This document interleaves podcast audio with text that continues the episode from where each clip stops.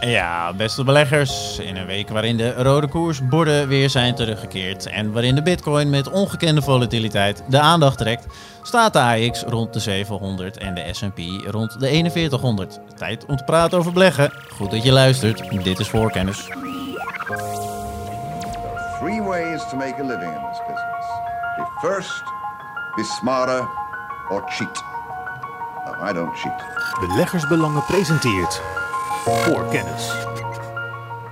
Ja, beste beleggers. Leuk dat jullie weer luisteren naar een nieuwe aflevering van Voorkennis. Mijn naam is uh, Maarten Butterman. En samen met uh, beleggingsspecialisten Karel Merks en Stefan Hendricks van Beleggersbelangen gaan we weer een aantal uh, leuke onderwerpen bespreken en even kijken wat er allemaal speelt op de beurs.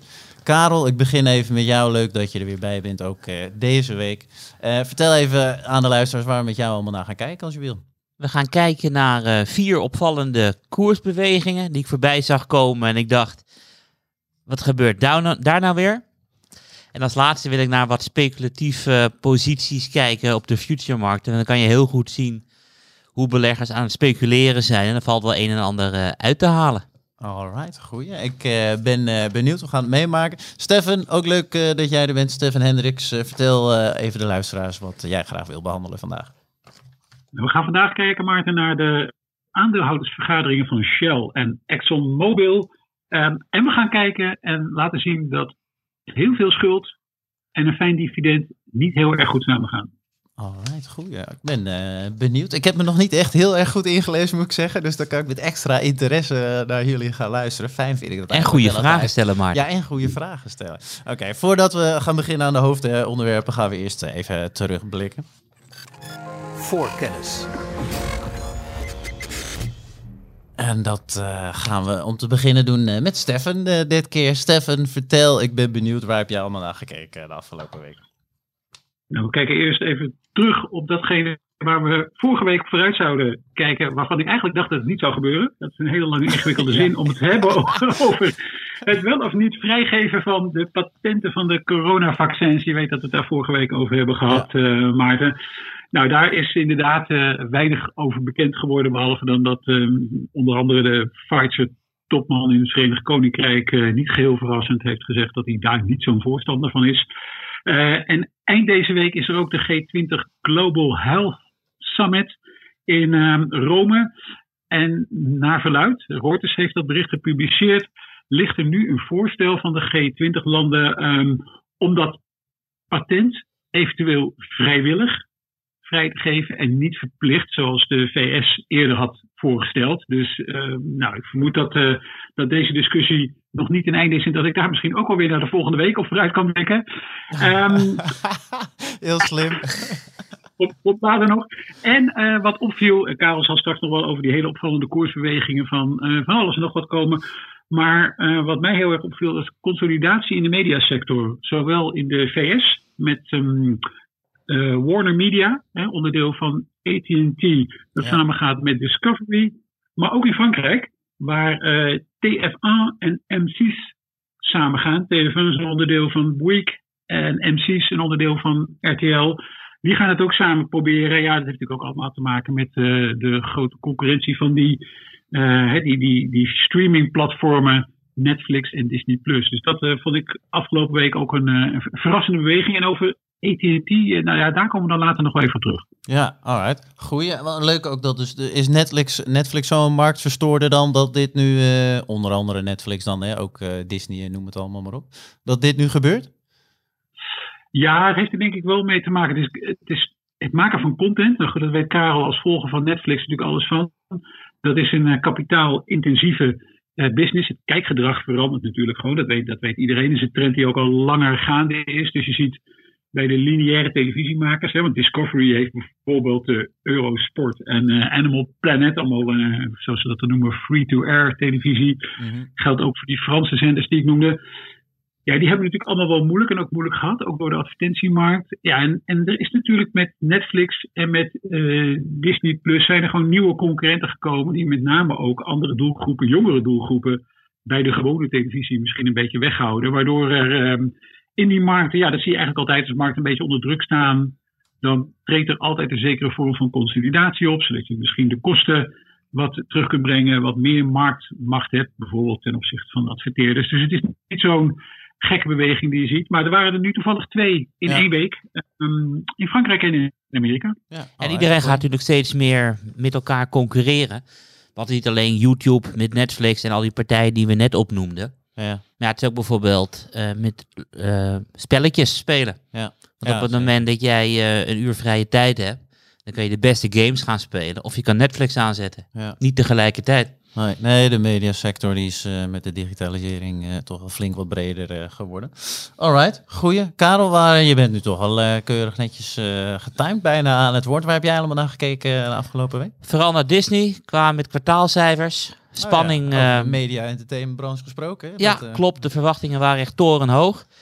De bedoeling was eh, 110, miljoen nieuwe abon- of 110 miljoen abonnees totaal. Werden er eh, 104. Dus dat viel, eh, viel tegen. Maar het concern groeit nog steeds eh, online heel hard door.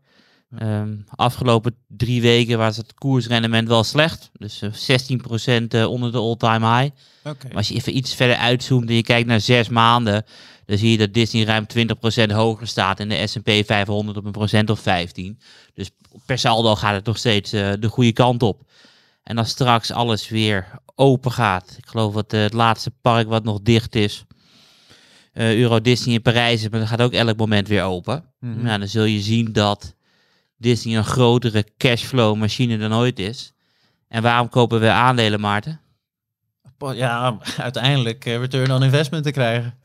De zo hoog mogelijke cashflow eh, willen we hebben. Dus, Ja, de terminologie die, die verschilt nog per die moet gebruiken. Maar we zitten volgens mij hebben we cashflow al eh, Ja, in de afgelopen keer. 18 afleveringen meer dan 18 keer gebruikt. Dus eh, know, we gaan het wel leren. Volgende keer zeg je gewoon cashflow. Cashflow, cashflow. Ja, oké. Nou ja, ieder zo zijn eigen jargon. Hè. Maar ik ben blij dat we ook de luisteraars van meerdere perspectieven kunnen voorzien op deze manier. Heel goed, maar de, Alright. Goeie. Hey, het staat gewoon nog steeds op koop, hè, Disney. ja, zeker weten. En analyse eh, is afgelopen week in het blad gekomen. Oké, nou kijk eens aan. Heel goed. Dan eh, zijn we door het eh, terugblik heen. Gaan we altijd eh, voor naar de hoofdonderwerp te gaan. Voorkennis.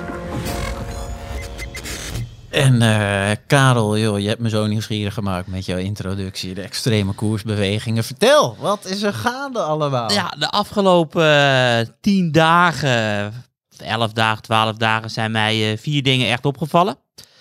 Als eerste hadden we een nieuw all-time high op 11 mei voor, de index, de New York Tick Index. En dit is het aantal stijgers min het aantal dalers van een, in een paar eh, milliseconden. Dus er wordt gekeken met hoeveel stijgers zijn er en hoeveel dalers. Nieuw all-time high, 2070 meer dalers dan stijgers. En er was nog nooit eh, gebeurd in de geschiedenis zo'n geconcentreerde verkoopdruk. Oké, heftig. Dat is koersbeweging nummer 1? Ja, Ja, ja en het is helemaal bijzonder op het moment dat je dan realiseert dat er in 2021 eh, een paar duizend aandelen minder genoteerd staan in New York dan eh, 30 jaar geleden toen deze index begon. En het is op zich wel grappig als je dan kijkt naar de Wilshire 5000. Met de 5000 grootste aandelen in de Verenigde Staten. Er zitten er 3400 in. Alleen zijn we die naam nooit eh, aangepast. Oké. ah, dat kan ik op zich wel waarderen, moet ik zeggen. Ja, klopt. ja, maar ik wil er staan er de herinnering aan het 5000 grootste aandelen. Maar je hebt er maar eh, ruim 3000 eh, Ja. tegenwoordig. Ja, grappig. Ik, ik, we houden hem erin. Alright, Klopt. dat En het begon zo te dalen naar aanleiding van het inflatiecijfer. Ah. En wat je natuurlijk ook moet realiseren is dat we tegenwoordig steeds minder in individuele aandelen handelen en steeds meer in ETF's. Ja. Dus op het moment dat jij als market maker een mandje hebt en je verkoopt in één keer zoveel aandelen, dan heb je ook een geconcentreerdere verkoopgolf. Maar het was wel, wel heftig om te zien die, die dag. Ja, kan ik me voorstellen. Even daar eens kort op inhaken. Maar is er iets van data, statistiek bekend van hoeveel eh, aandelen in bezit zijn van ETF's en hoeveel eh, in individuele aandelen gewoon eh, belegd? Ja, die zijn er. Dus je kan ook gewoon per aandeel kan je dat bekijken. En dan Wel, zie je ook. eh, en ik weet niet wat eh, precies de statistieken daarvan zijn. Nee, dat snap Eh, ik. en, maar eh, als je bijvoorbeeld kijkt naar-? Naar aandelen als bijvoorbeeld eh, Tencent. Dan zie je dat Prosus de grootste aandeelhouder is met 28%. En er komt geen enkele eh, ETF in de buurt.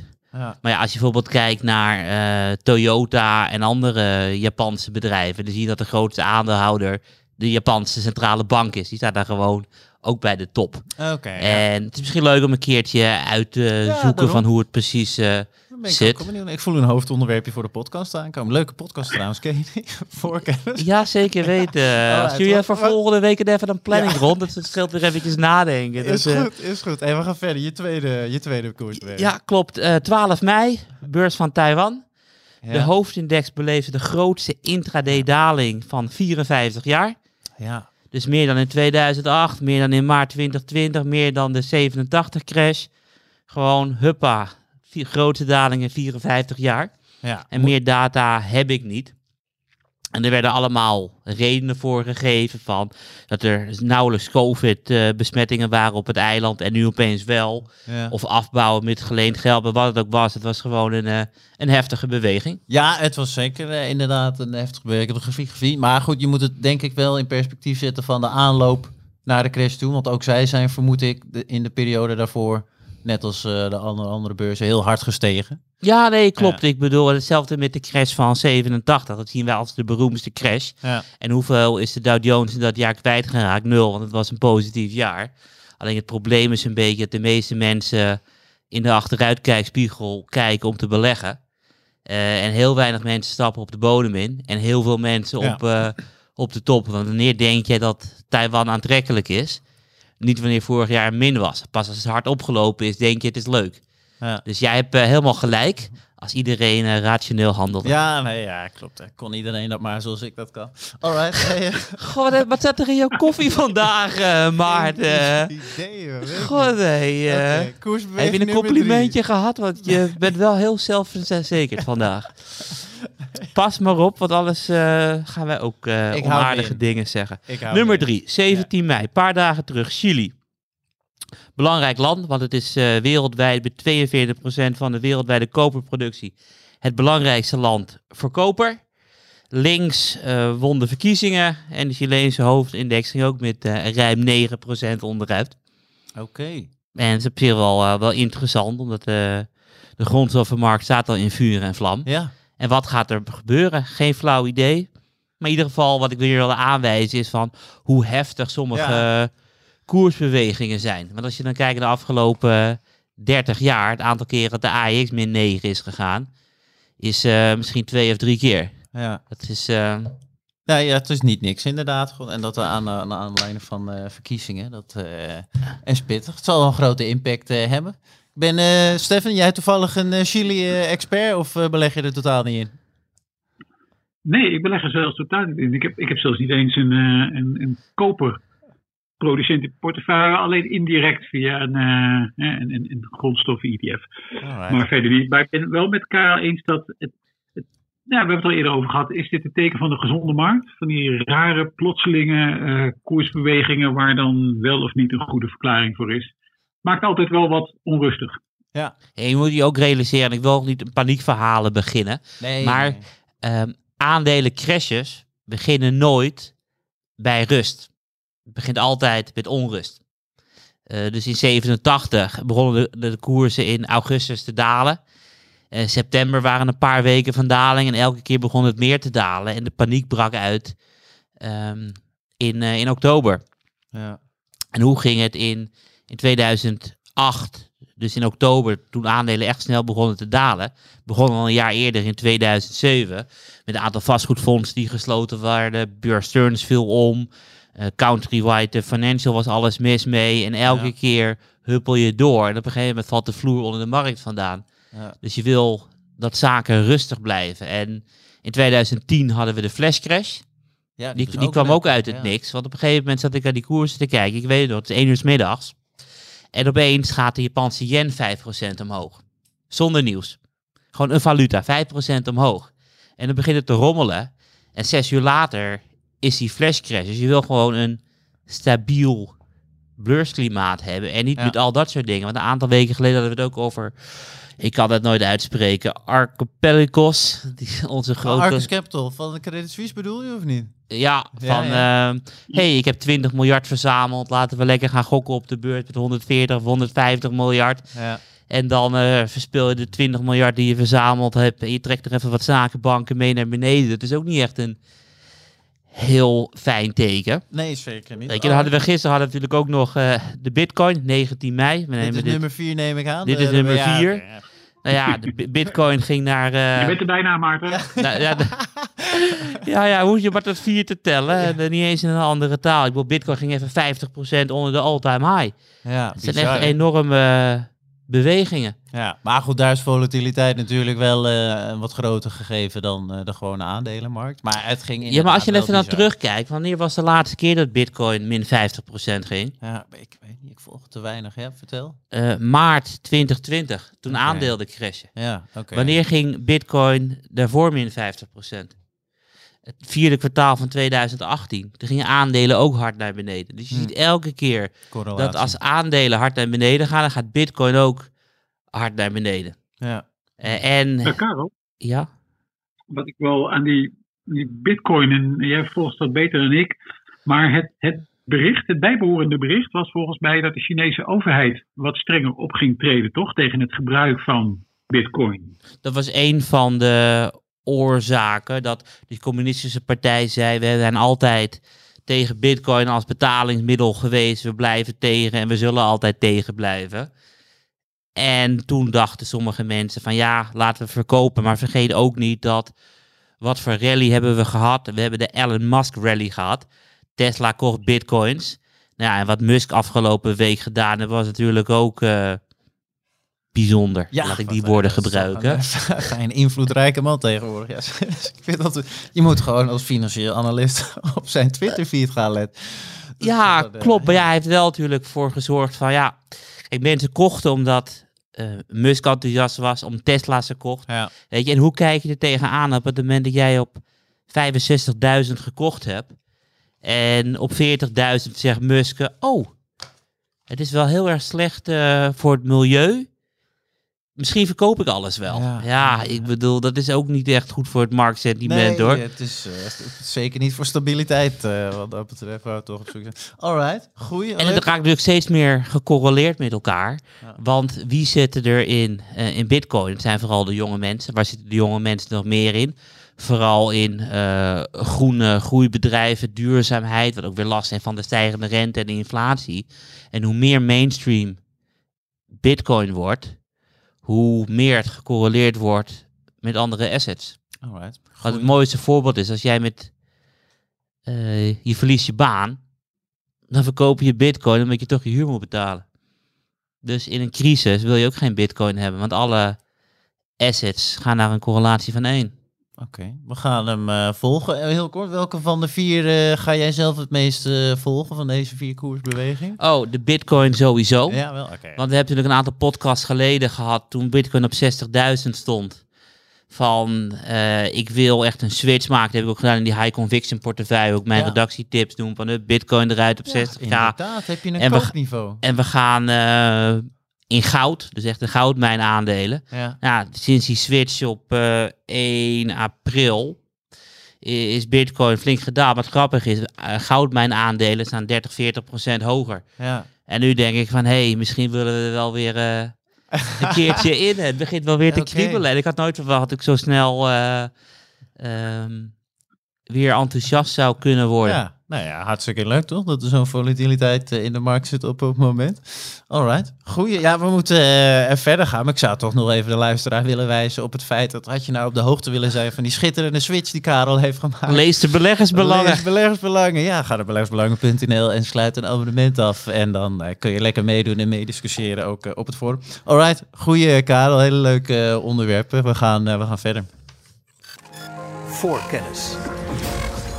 Want het is toch ook wel fijn eh, als we Steffen zo nu en dan betrekken in eh, de podcast. Hij zit weliswaar niet in de studio, maar hij is toch echt wel een, een deelnemer. Nog drie maanden, hè? Ja, ik bedoel, in september eh, gaan we weer met z'n allen naar kantoor waarschijnlijk. Als we allemaal ingeënt zijn. Oh, kijk of gevaccineerd. Nou, dan weten we dat ook weer, eh Steffen. Fijn dat je er over Ik drie kijk er naar bent. Ja, heel goed. Hey, vertel, eh Steffen. eh, we beginnen even met, met Shell en Exxon. Eh, daar ben ik toch het meest eh, benieuwd naar. Eh, daar is wat gaande. Vertel, waarom moeten we hier naar kijken? Ja, we gaan helemaal naar de oude economie, hè? Naar, eh, naar olie en gas. Eh, en dan wel naar de aandeelhoudersvergaderingen van die beide oliebedrijven. Ja. Want eh, we hebben deze week Shell gehad. Ja. Een van de meest opvallende dingen en waar volgens mij ook wel het meest over bericht is tijdens, over die aandeelhoudersvergadering, was dat een actiegroep Follow This eh 30% van de stemmen meekreeg hè, voor zijn plannen om Shell wat, eh, wat duurzamer te maken hè, en te zorgen dat de uitstoot van broeikasgassen wat beperkt wordt. Nou, die 30% dat is natuurlijk geen meerderheid, maar het was wel, wel twee keer zoveel als een vergelijkbare resolutie vorig jaar Oké. meekreeg. Dus dat, dat zegt wel iets eigenlijk over, ehm, over wat er bij de, niet alleen bij die olieconcerns aan de hand is, maar ook bij de beleggers in die olieconcerns. En de volgende, eh, dat is volgende week, hebben we de aandeelhoudersvergadering van ExxonMobil. En ook daar eh, is een groep actief. En dat is in dit geval een activistische belegger. eh, onder de naam Engine Number One. Eh, en dat zijn, ja, klinkt een beetje flauw, maar dat zijn toch wel serieuze jongens. Ik had, misschien moeten we in de show notes de, ehm, eh, ook maar even de, de link naar hun presentaties neerzetten. En zij worden ook serieus genomen. Want eh, ze hebben eigenlijk een voorstel om een aantal leden van de Raad van Commissarissen van Exxon te vervangen. Want hun algemene punt is, ja, luister, wat Exxon nu aan het doen is, is eigenlijk gewoon meer van hetzelfde. Dus het is eh, alleen maar op olie- en gasprojecten zich richten. Eigenlijk veel te weinig bezig zijn met het terugbrengen van eh broeikasgassen. veel te weinig bezig zijn met duurzame energie. En zij zeggen, ja, daarvoor moet gewoon echt een verandering komen in de strategie van een bedrijf. En dus ook een verandering in de Raad van Commissarissen. Nou, daar hebben ze vier nieuwe leden voorgedragen. Mhm. Dat is allemaal nog tot daar aan toe. Dan denk je misschien, nou, dat zal allemaal wel. Maar een organisatie die heet ISS, en dat is een partij die, ehm, eh, die aandeelhouders adviseert over hoe ze zouden kunnen of moeten stemmen op een aandeelhoudersvergadering. Die heeft zijn steun uitgesproken voor drie van de vier van deze commissarissen. En dat is op zich best opvallend. Dus we gaan het volgende week zien of aandeelhouders inderdaad Exxon in een andere richting willen gaan dwingen. Eh, want het ISS heeft gezegd, en dat is normaal gesproken nu gewoon een club van, van institutionele aandeelhouders. Maar die nemen die voorstellen van dat engine number one, hoe hard we er ook om kunnen lachen om de naam misschien. eh, die nemen die voorstellen wel degelijk heel erg serieus. En die Ja. ondersteunen dat eigenlijk. Weet je, dat Exxon zich wel wat, ja, wat meer op de toekomst moet richten. En, die, en, en, en deze activistische belegger die zegt, ja, eigenlijk is de strategie van Exxon nu niks anders dan hopen op aanhoudend hoge en eh, olie- en gasprijzen. En dan maar, ehm, nou ja, dan maar hopen dat we zoveel mogelijk geld kunnen verdienen en met, het, ehm, met datgene wat we eigenlijk altijd al deden. Ja.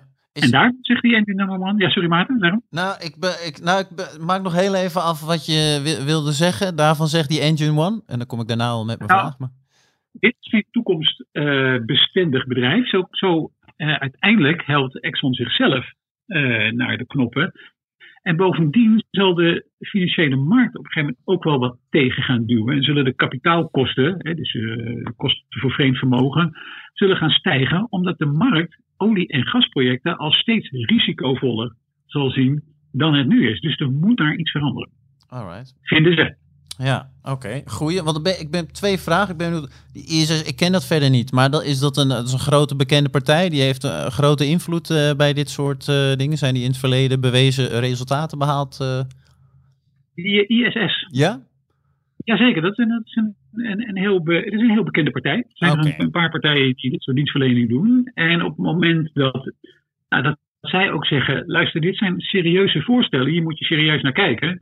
Dan zijn we toch wel een stap verder dan, Ja. we maar zeggen, een beetje een eh geflipte aandeelhouder die wat eh, eh, woest om zich heen roept tijdens een vergadering. Nee, dit, is- we hebben het hier over instituten onder elkaar, hè, om Ja. het maar zo te zeggen. Alright. Goeie. En drie van de vier leden die steunen zij dan? Wat is de impact bij een eventuele leden of commissarisledenwisseling van deze grootte? Is dat, is dat groot, klein? Waar, valt dat überhaupt in te schatten? Of? Ja, dat is, dat is best lastig in te schatten, maar ik zal wel een poging doen. Kijk, die, waar we het net over hadden bij Shell, Ja. die resoluties die twee keer zoveel stemmen krijgen. Nou, ik zei net al, 30%, dat is bij lange na geen meerderheid. Volgens mij was er zelfs, als ik het goed heb, 75% voor nodig om dit soort resoluties wat, eh, eh, wat meer body te kunnen geven. Maar, en daar berichtte iedereen ook over, ook de Anglo-Saxische pers, het was wel een heel duidelijk signaal naar de aandeelhouders. Ja. Nou, dat is al een duidelijk signaal, maar op het moment dat jij commissarissen ingestemd krijgt hè, in jouw raad van commissarissen, dan moet je als bedrijf er ook wel een beetje op gaan letten. Want dat is wel een heel erg duidelijk signaal van aandeelhouders dat zij gewoon willen dat de strategie verandert. Ja. Alright, goeie. We gaan het houden. Wanneer, wanneer was de vergadering, eh zei? Die is, eh, die is volgende week. Oké. Eh, dus daar, daar komen we zeker op terug. En ik moest er ook nog aan denken. ik heb die discussie wel vaak met Karel gehad. Kijk, die, die oliebedrijven die worden nu steeds minder populair.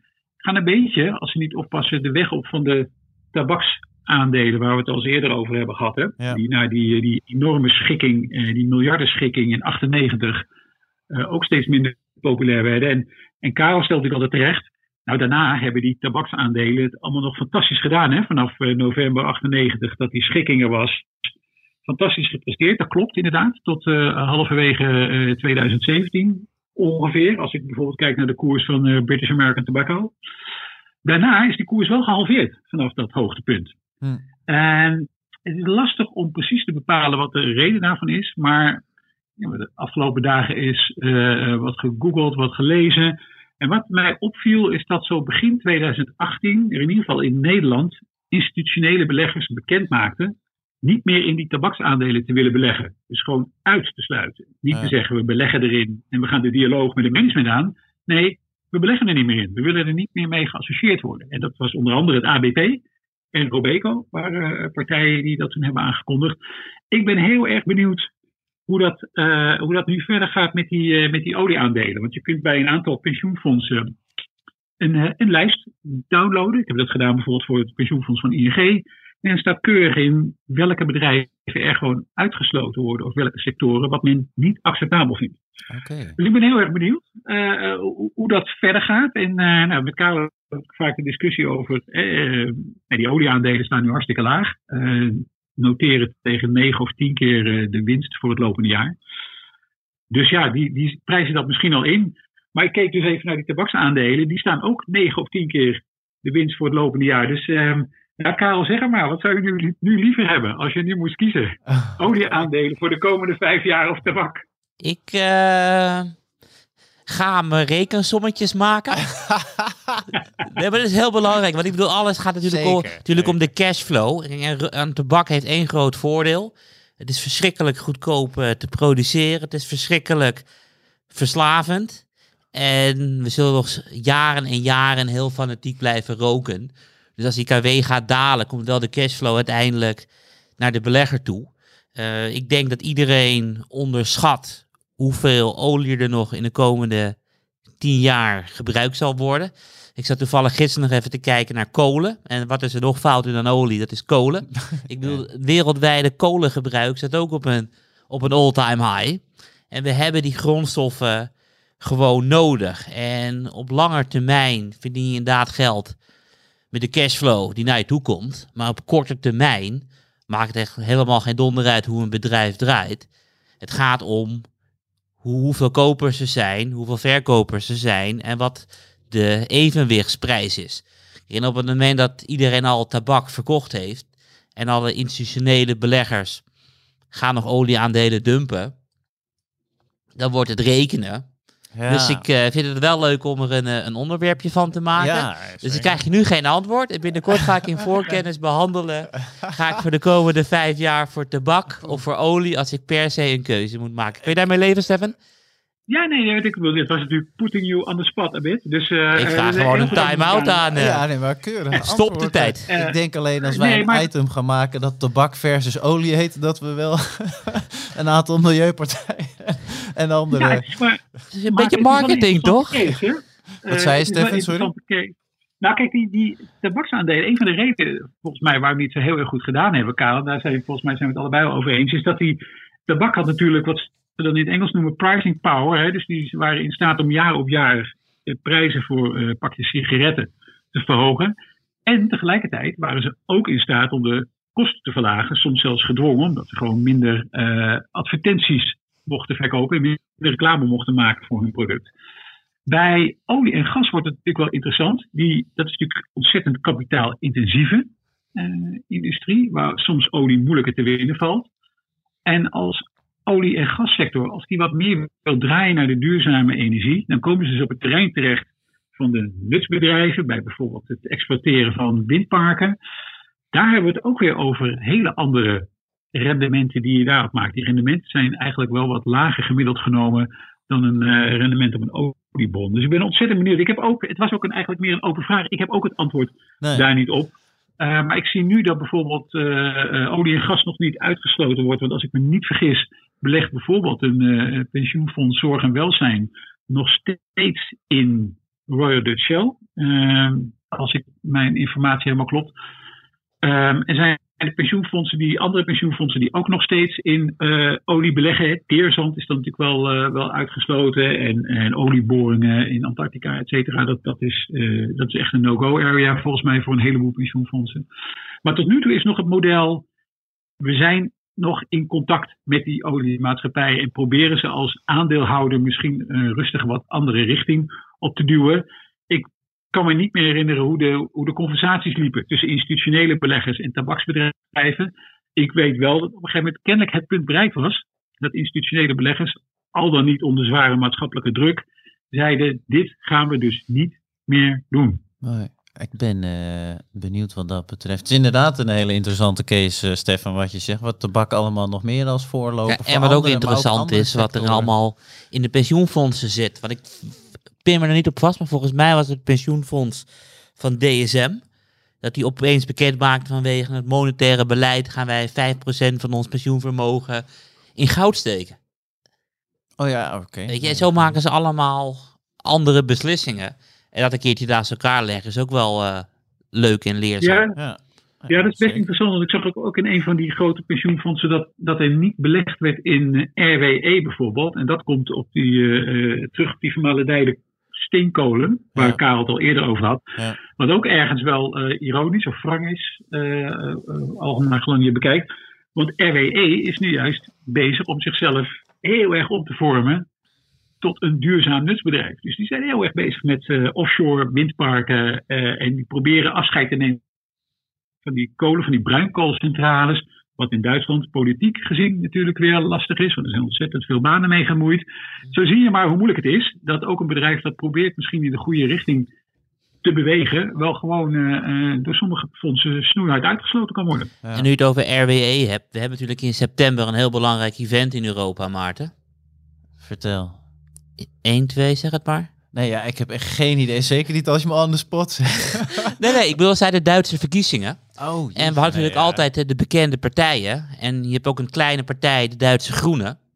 Ja. Is opeens geen kleine partij meer. Die loopt dus gewoon voorop. Hè. Het is nu de grootste partij in de polls. Ja, en op oké. het moment dat het CDU straks weg is. En we hebben de allergrootste partij zijn de Groenen. Dan kan het heel veel dingen betekenen. Maar wat willen die Groenen nog meer? Meer samenwerking in Europa, meer groen. Ja. Dus die Duitse verkiezingen worden voor dit uh, thema ook heel erg belangrijk. Ja, en zeker voor RW. Dan, uh, die zal toch hoofdzakelijk veel uh, dus omzet een, uit dus in in deze podcast dan ook de Duitse verkiezingen voorbij Ja. gaan komen. Hebben we alweer Kunnen we onderwerpje vast- 4 Ja, ik wou net afgekaakt. zeggen, eh. Schrijf ze we, allemaal op. we kunnen bijna twee afleveringen per week gaan Nee. maken. Maar we gaan hem, eh, we gaan hem zeker wel eh, vasthouden, de case. Heel leuk, eh, goed onderwerp, eh Stefan. We gaan het, eh, we gaan het verder eh, volgen.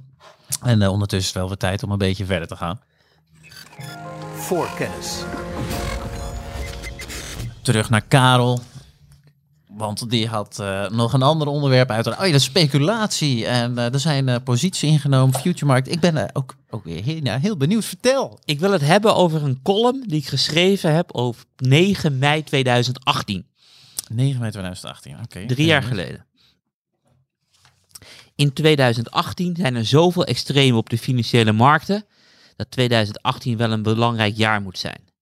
Ten eerste hebben fondsmanagers nooit eerder in de geschiedenis zoveel aandelen, zo weinig cash en zo weinig obligaties in een beleggingsportefeuille gehad.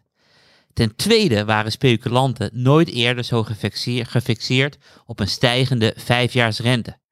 Ten derde zijn er nog nooit in de geschiedenis zoveel longposities geweest in olie- en in de kopermarkt. En ten vierde zijn er nog nooit zoveel shortposities geweest in de Amerikaanse dollar. En als laatste zijn er nog nooit zoveel longposities geweest in de euro. Oftewel, alles was op een extreem. En het is uiteraard mogelijk dat voor de eerste keer in de geschiedenis de massa op een extreem moment goed zit. Dus dit betekent inderdaad de dollar zou dalen, de euro zou stijgen, de rente zou stijgen, de olieprijs zou stijgen, koperprijs zou stijgen, stijgende aandelen en dalende obligatiesrentes.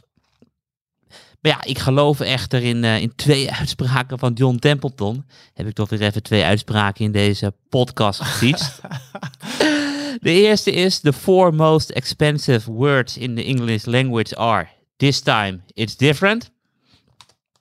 En de tweede is: Bull marks are born on pessimism, grow on skepticism, mature on optimism and die on euphoria. Jeetje, die is wel erg mooi. Oké, ja. Zeker weten, heel erg mooi. eh.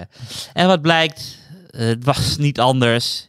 De massa verloor allemaal geld, want alle bewegingen gingen de andere kant op.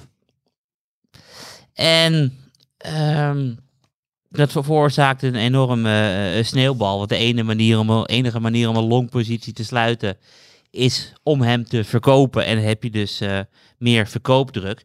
En in 2021 beginnen sommige van die waarden die ik opnoemde weer extreem of extremer te worden. Mhm. Dus we hebben weer een eh, nieuw all-time high in aantal speculanten die speculeren op een stijgende rente in de Verenigde Staten. We hebben nog nooit in de geschiedenis gehad zoveel speculanten die posities hebben ingenomen in de kopermarkt. En we hebben nog nooit zoveel speculanten gehad die inspeelden op een stijgende euro.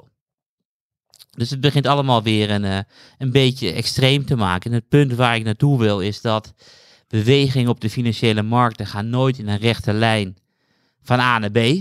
Het is altijd volatiel. Dus ja, mocht de belegger denken van ja, het eurogebied ziet er wel erg mooi uit. Ik wil meer eurobeleggingen. Of van hé, hey, ik ben wel bang voor de stijgende rente. Ik wil minder obligaties. Of van hé, hey, Biden heeft weer gezegd eh, eh, dat we minder CO2 moeten uitstoten. Of de groenen staan eh, voor in de peilingen. En daardoor moet ik in koper beleggen. Want een draadje naar een windmolen is altijd een koperdraadje. En als we op zee zijn, worden die draadjes wel erg lang. Dus we hebben meer koper nodig. Mhm. Wacht dan even, want er komen betere instapmomenten aan dan nu. Want op het extreem moment zitten de speculanten er altijd naast. En in 2018 zei ik, this time, het is niet anders. En di- Mhm. dit keer zal het ook eh, niet anders zijn. Alright, Dus op het moment dat je het meest vertrouwen ergens in hebt, dan is het vaak iets wat andere beleggers ook inzien, waardoor de kans dat je er te veel voor betaalt aanwezig is. Ja, alright. Helder. Eh, kleine kant vraag eigenlijk van mij. Kanttekening mag ook worden, daar hou ik wel van, een Kritische vraag- noot, heel vraag goed. slash kanttekening is dat natuurlijk, eh, eh, want je, de onderliggende strekking van jouw verhaal is dat er dalende koersen althans aankomen. Al, je zegt nu in ieder geval niet meer instappen in Ik deze heb het wel markt. over koper, euro en obligaties. Hè?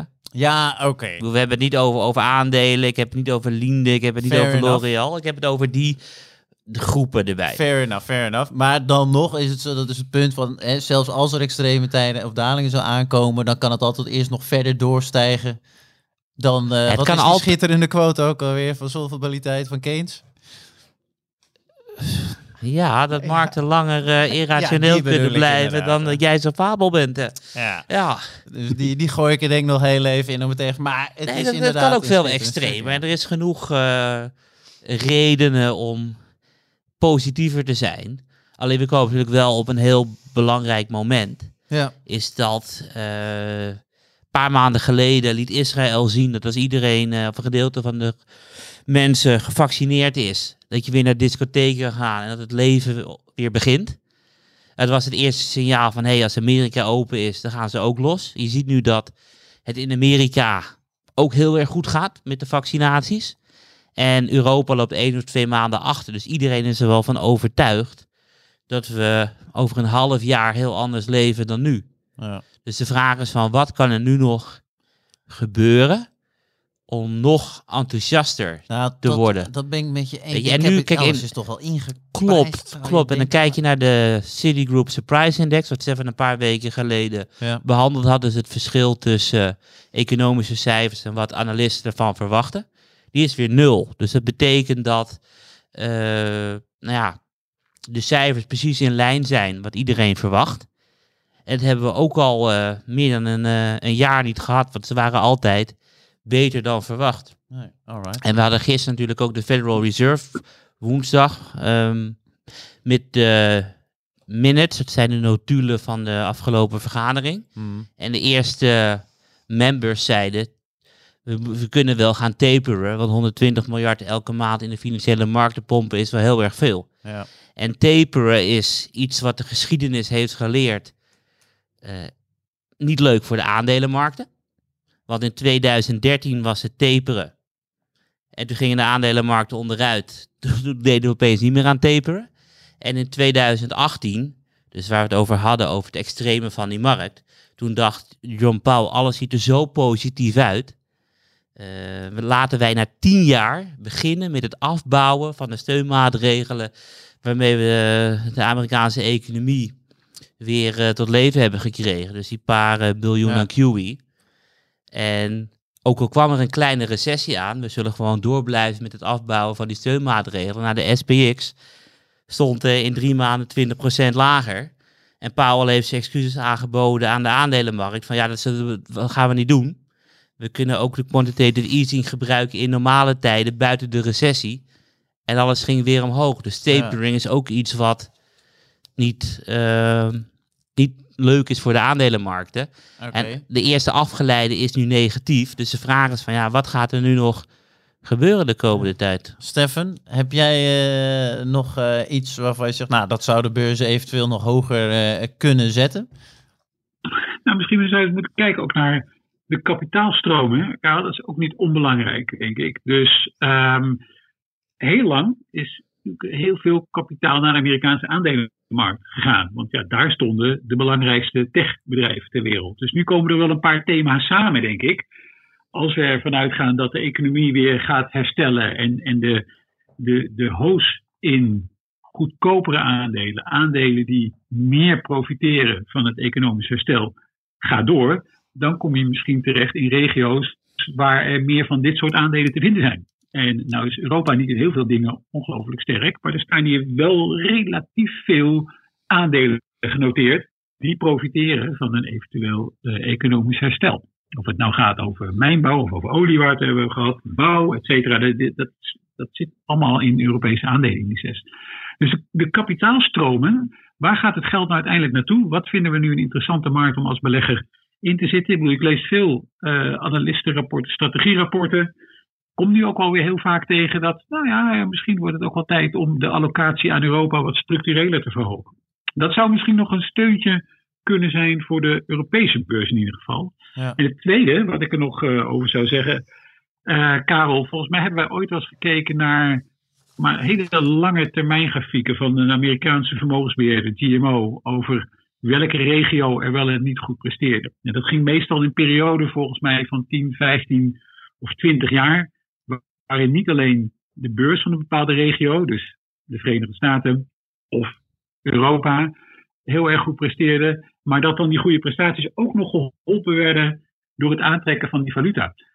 Dus wie weet staan we wel aan, een, aan de vooravond van de periode waarin uh, de Europese aandelenmarkt het vijf of tien jaar beter gaat doen dan de Amerikaanse. Gesteund ook nog door een stijging van de, van de euro. Wat dacht je daarvan, Karel?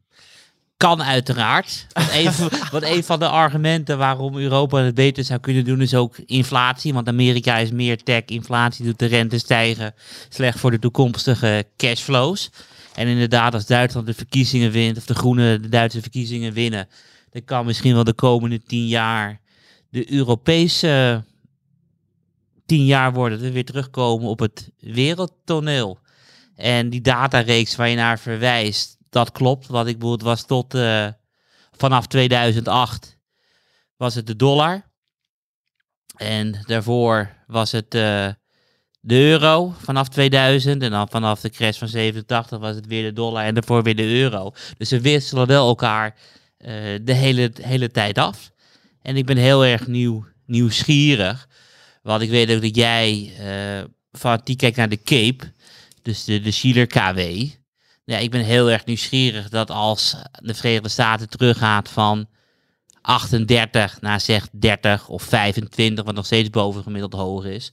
Of Europa dan kan blijven waar het is, of misschien wel een, een toename in de waardering zou kunnen zien. Dus ik ben heel erg eh, nieuwsgierig waar dit allemaal naartoe gaat. En ik zie Maarten kijken van eh, de tijd. Nee, nee, nee, dat valt wel mee. Ik, ik, ik wilde wel gaan zeggen van, goh, het is een, eh, een heel leuk iets om te volgen. Ik ben, een miljoen voor de krant van morgen is een eh, uitspraak. eh, je bent gewoon zo benieuwd hoe het er over tien jaar voor staat, eh, bij wijze van spreken. Maar eh, dat zullen we nog geduldig eh, moeten afwachten, vrees ik. Het is vanzelf eh, zijn we daar. Ja, nee, voordat je het weet. Alright. Hey, eh goeie, we gaan het eh, in eh, de gaten houden en eh, we gaan verder. Voorkennis. Nee, eh, Karel, ik had eigenlijk besloten van, god, ja, we kunnen ook gewoon lekker een uurtje over overheen gaan. Dus we gaan eens kijken of het eh, gaat lukken, want we hebben nog een mooi onderwerp van Stefan klaar op de plank liggen. En dat is wel dat enorme schuld en dividend niet goed samengaan. En daar hebben we als voorbeeld AT&T, als ik het goed begrijp. Stefan, vertel, waarom moeten we hier naar kijken? Ja, helemaal goed. En, en ook ik, eh, Maarten, ga voor dit eh, onderwerp terug naar een eh, artikel dat ik ook in 2018 heb geschreven voor Beleggersbelangen. Eind 2018 was dat. Oké. Dat was een artikel ehm, dat ook ging over de, de, de zorgen die ik toen al had over de ontzettend sterk gestegen schulden van bedrijven.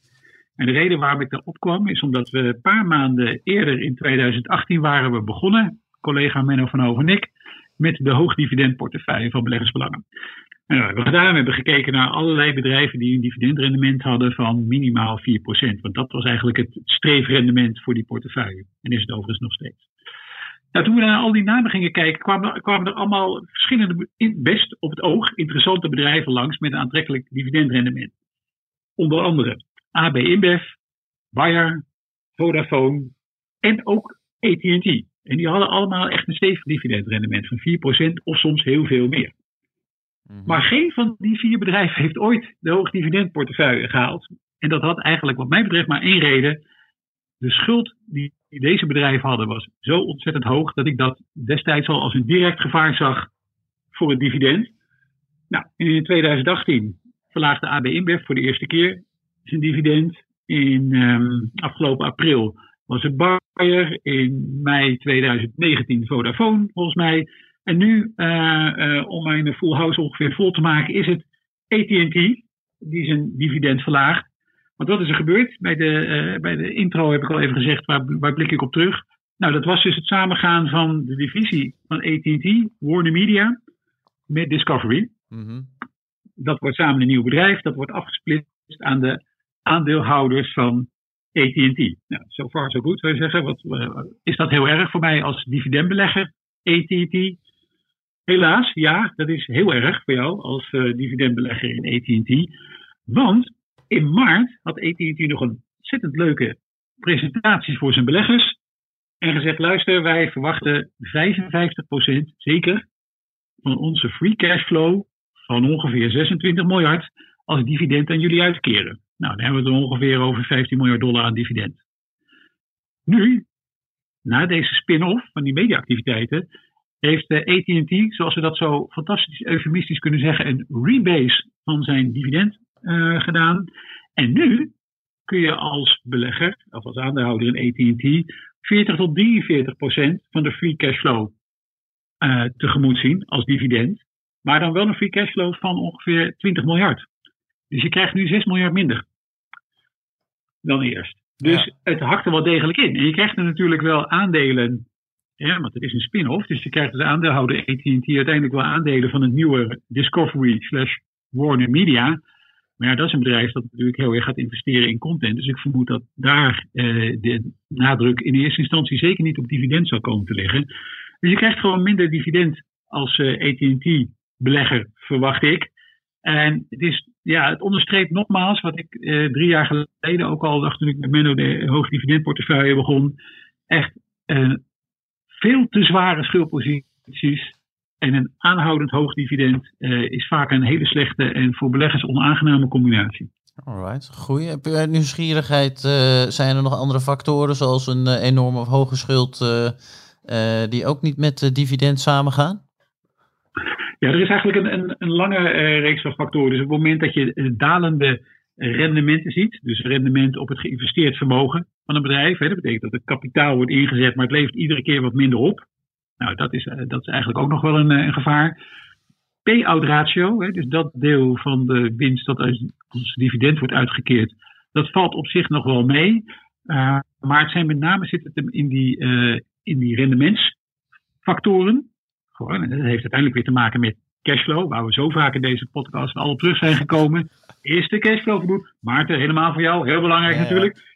Eerste cashflow voldoende uh, om een dividend gaande te houden. En vorige week bijvoorbeeld, Maarten, ik zou je herinneren, heb ik over Linde gesproken. Een bedrijf als een soort geldautomaat met een heel erg duidelijk idee van wat ze met hun kapitaal willen doen. Een goede verdeling tussen enerzijds onderhoudsinvesteringen, investeringen die je moet doen om de bedrijfsactiviteiten gewoon door te laten lopen. Ruimte maken voor investeringen om te groeien. Ruimte maken om aandelen in te kopen. Ruimte maken om dividend uit te keren. Nou, bedrijven die in de goede markt zitten, goede marges, stijgende marges, die kunnen dit allemaal volhouden. Bedrijven die in markten zitten die onder druk staan, en telecom was er natuurlijk zo eentje, uh, die hebben die ruimte minder. En wanneer je als bedrijf ook gewoon zit met een terugbetalingsschema van je schulden en uh, rente die je moet betalen, dan wordt je manoeuvreerruimte, als de tijden tegenzitten, nog veel minder. Dus het is, ik als inkomensbelegger, um, als ik op zoek ga naar aandelen, bewandel ik denk ik de omgekeerde weg die de meeste aandelenbeleggers zullen bewandelen. Dus ik kijk altijd eerst naar de balans, daarna naar het cashflow-overzicht. En uiteindelijk kom ik wel uit bij de verlies- en winstrekening en de koers-winstverhouding. Maar die andere twee factoren wegen voor mij zwaarder. Alright. Goeie. Hey, en je noemde nu eens uh, AT&T uiteraard, maar ook Bayern, Vodafone en InBev noemde je eerder. Zijn er nu nog bedrijven die op dit moment bij jou uh, op de watchlist staan uh, waar je heel erg kritisch naar kijkt? Vanwege dit soort redenen en met name de schuld? Nou, er zijn er altijd wel een aantal telecommers waar ik, waar ik een beetje huiverig voor ben. Shell was het ook altijd. En daar moet ik, moet ik zeggen, daar behaal ik nog wel een beetje van. toen we Shell opnamen in de portefeuille, was het van de drie olieconcerns die we in portefeuille hadden, Chevron en Total en Shell, was de balans gewoon het zwakste. Niet super zwak, maar wel de zwakste. En ja, daar heb ik er wel een beetje spijt van, eerlijk gezegd, dat we die, dat we die destijds op hebben genomen. Dus nu kijk ik daar eigenlijk nog, nog strenger naar voor de selectie die we nu hebben. Alright, alright. Goeie. We gaan het uh, verder uh, volgen. Zoet, leuk onderwerp, Stefan. Tijd om richting afsluiting te gaan. Voorkennis.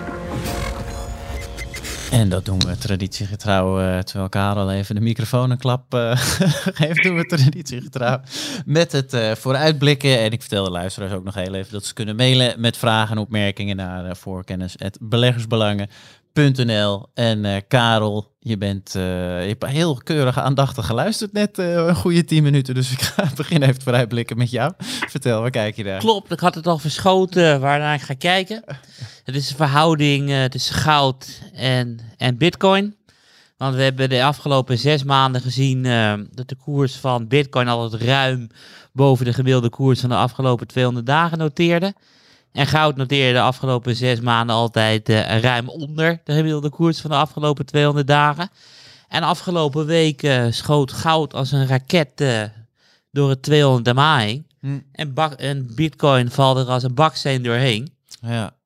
Dus ik ben heel nieuwsgierig hoe dat zich de komende week gaat ontwikkelen. Alright, goeie, leuk. Nou, we gaan het uh, in de gaten houden. Steffen, waar uh, kijk jij allemaal naar uh, de komende week? Nou, ik zal het kort houden voor je, Maarten. Dus naast alle, de, alle hevige koersbewegingen die Karel al eerder beschreven heeft, die van belang zijn en die ik ook komende week weer zal gaan volgen, uiteraard de aandeelhoudersvergadering van ExxonMobil. Ik ben heel erg benieuwd wat eruit gaat komen. Ik ben heel erg benieuwd of het management daar nou serieus tegengas wil geven. Uh, of misschien wat wil meegaan bewegen met aandeelhouders die mogelijk een wat andere koers bij de bedrijven hebben. Alright, nou ja, goeie. We gaan het uh, volgen. Ik uh, ben ook benieuwd wat eruit komt en we komen er uiteraard uh, weer op terug. Super Stefan, hey, hartstikke bedankt voor de bijdrage zoals altijd en we spreken je volgende week weer. En ook Karel, Zeker. jij weer bedankt uiteraard voor alle bijdrages. En netjes zonder het uur. En netjes zonder het uur. Tegen luisteraars zeggen we ook tot volgende week.